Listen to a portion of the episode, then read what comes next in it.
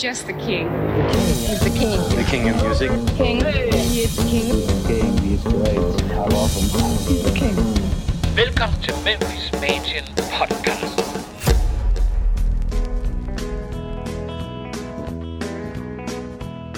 Sabine, prøv nu her. Vi Ja. skal videre i vores fortælling om Elvis' rise to fame. Mm-hmm. Altså, og jeg synes, at den her historie, vi er meget, meget detaljeret. Det håber jeg også, dem, der lytter med derude, ligesom fanger, at der er mange små detaljer, der er mange små fortællinger.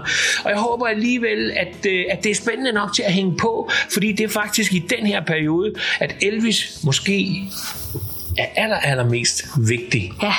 Både for den samtid, han var, den ungdom, han er med til at præge, mm. men også i forhold til sin egen konkurrence, eller øh, hvad hedder det, sin egen karriere. Det har du faktisk fuldstændig ret i, Henrik. Det er her, der er ting, der begynder at vende på hovedet, øhm, og der begynder at ske nogle ting, øh, som, har, øh, som kommer til at påvirke altså musik generelt senere hen. Den 15. august, Henrik, hvad sker der der? Jamen, der Elvis øh, er til møde med øh, The Colonel, Bob Neal og øh, Vernon Presley for at snakke om en ny kontrakt mm-hmm. til Elvis. Øh, og Parker øh, bliver øh, sat på som special advisor og kommer til at have fuld kontrol over alle beslutninger omkring Elvis' karriere.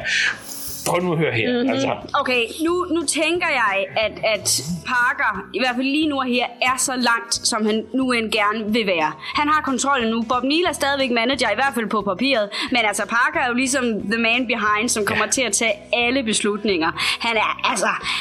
En ting skal man rose Parker på her. Er der noget, han godt vil have, så er han altså dygtig til at få det. Han er super. Mm-hmm. På samme tid modtager Parker et brev fra hans ven A. Wee Bam Bamford, og øh, skriver, som skriver, at øh, det godt kan være, at Elvis er hotter than a firecracker, men Parker skal huske på, at det kun er i begrænsede områder, han er det. Bam overvejer at booke Elvis ind på de steder i landet, han ikke er så kendt endnu, dog kun i shows med kendte navne. Han nævner også, at den eneste country radio øh, station, øh, KXLA, ikke spiller Elvis overhovedet. overhovedet. Og her er det nu, det, glemmer vi måske lige at nævne, men vi er jo faktisk i LA-området her lige nu, for det er nemlig der, at uh, AV Bam Bamford, han hænger, her, hører til. Ja. Og der er Elvis altså slet ikke noget til endnu. Altså den her country hillbilly fra Memphis, han er altså stadigvæk ikke noget over sydstaterne, på trods af hans kæmpe succes. Sådan, men det er, lover dig, det skal nok ske. Oh yes. I et brev fra Julian Aberbach øh, på Hill and Range forklarer Parker om hans nye treårige kontrakt med Elvis, samt, hans, øh, samt han arbejder på en kontrakt med et større pladeselskab. Parker har fra pålidelige kilder informeret om, at Elvis' pladesalg i 1955 er på over 100.000 eksemplarer. Uden at jeg skal gøre mig klog på, øh, hvad et godt eller et dårligt pladesalg er i 1955, så vil jeg da våge at påstå, at 100.000 eksemplarer på de fem singler, han udgav, det er relativt godt gået. Det er flot gået, og så skal man huske på, at vi er stadigvæk i en tid, hvor selve det at have en gramofon ikke var allemands eje. Ja, det var, altså, ikke, ej, ej, det var ikke bare noget, alle kunne, øh, kunne gå ud og bruge penge på. Men det er en tid, hvor det bryder igennem, sammen med Elvis, sammen med populærmusikken, sammen med uh, rock and roll, så begynder teenagerne at røre på sig. Altså, men man skal bare lige huske på, det her det er altså super, super, super flot. Den 2. september, Scotty kører galt i deres bil, som ryger på værksted.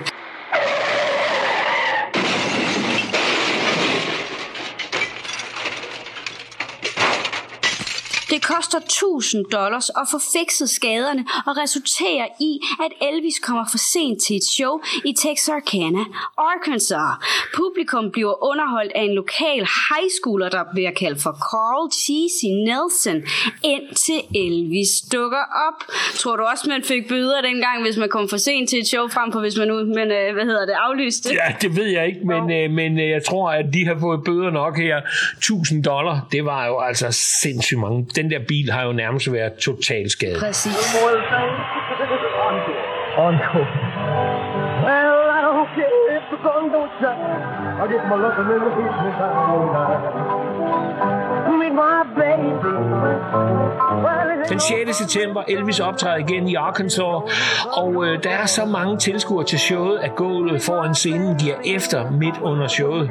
Heldigvis er der ingen, der kommer til skade. Prøv at tænke sig, at de her unge mennesker, de rocker og ruller altså fuldstændig crazy på dansegulvet foran scenen, at det til sidst må give efter. Altså, Det er skørt. Det er det faktisk.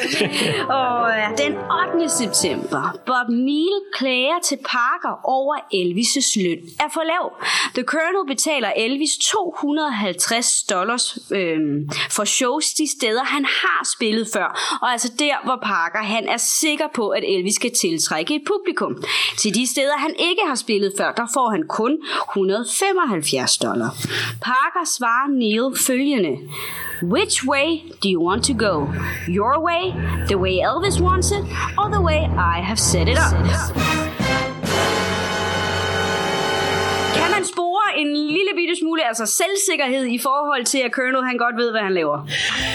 Og det er jo det, vi, øh, vi jo ikke rigtig kan stille spørgsmålstegn til. Der er, ingen, der er ingen tvivl om, at Parker har sit lille, han har sit lille spil her. Mhm. Han har sit lille game, og han spiller, han spiller dem lidt ud mod hinanden. Øh, men øh, hvad er det, man siger? Money talks, Mhm. mm. people walks. Og øh, det gjorde de. Og, øh, så, ja, og det er bare sådan, det er. Ja.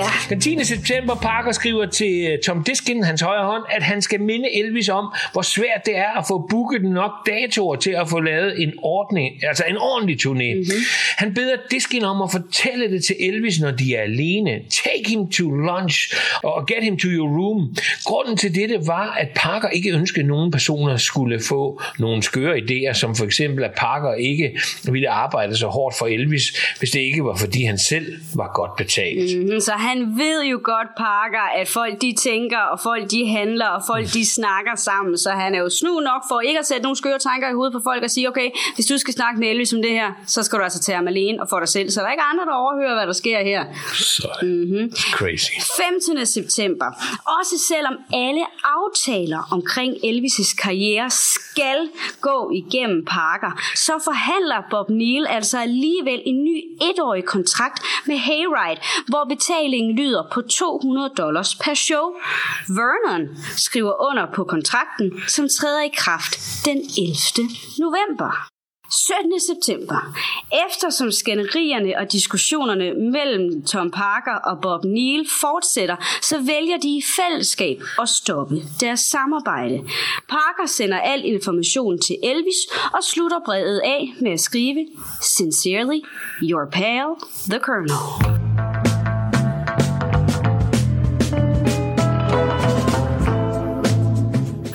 Så øh, ja, ja, jeg vidste, jo, jeg vidste jo godt, hvordan han skulle gøre sådan Ja. nogle ting her. Så øh, nu er samarbejdet altså slut mellem Colonel Parker og Elvis' øh, første manager, Bob Neal. Ja, men sådan er det. Og øh, hey, alting har en ende. Det har det. Og også her. Lad os prøve at springe frem til den 23. september. Elvis er tilbage i Memphis og øh, deltager i en all-night singing med The Blackwood Brothers. Mhm. Mm-hmm. Da James Blackwood finder ud af, at Elvis selv har betalt for sin billet, sender han en undskyldning med posten som en check på beløbet for billetten. Prøv nu at se her. Det er bare for stor respekt, man havde for Elvis. He, han var up and coming. Og, øh, og, Ja, og øh, James Blackwood var noget af det største. og han var noget af det største, men han var også en ordentlig mand. Ja. Og han tænkte, okay, prøv at her. At Elvis købte sin egen billet, det var flot, mm. men øh, selvfølgelig skulle han ikke det. Den 30. september, og jeg kan allerede sige nu her, at det her er den sidste øh, lille information, vi giver på, på den her podcast, for så lukker vi ned, og så hopper vi videre til det næste, fordi der sker noget tragisk i, i Elvis' liv, men også i filmverdenen. For den 30. september, der dør øh, skuespilleren James Dean. Gæster på øh, Gladwater Hotel husker Elvis at være knust over beskeden. Og hvad var historien egentlig mellem Elvis og James Dean? Historien mellem James Dean og Elvis er, at de aldrig rigtig møder, at de ikke møder hinanden. Men sandheden var, at øh, Elvis var kæmpe fan af James Dean og så et kæmpe stort forbillede i ham. Og vi ved jo, at øh, da Elvis senere indspiller film som øh, King Creole, at han lader sig i den grad inspirere af den stil, som James Dean han havde. James var en legende, han var pigernes ven, mm-hmm. han var teenagerne, havde mistet et af deres helt store idoler, og Elvis blev knust helt på samme måde som alle andre. Vi slutter øh, den her podcast af i denne omgang. Øh, håber, at I vil følge med i næste afsnit. They predict that uh, uh, Elvis Presley will be another James Dean. Now, have you heard that? I've heard something about it, but uh, I would I would never compare myself in any way to James Dean because James Dean was a genius.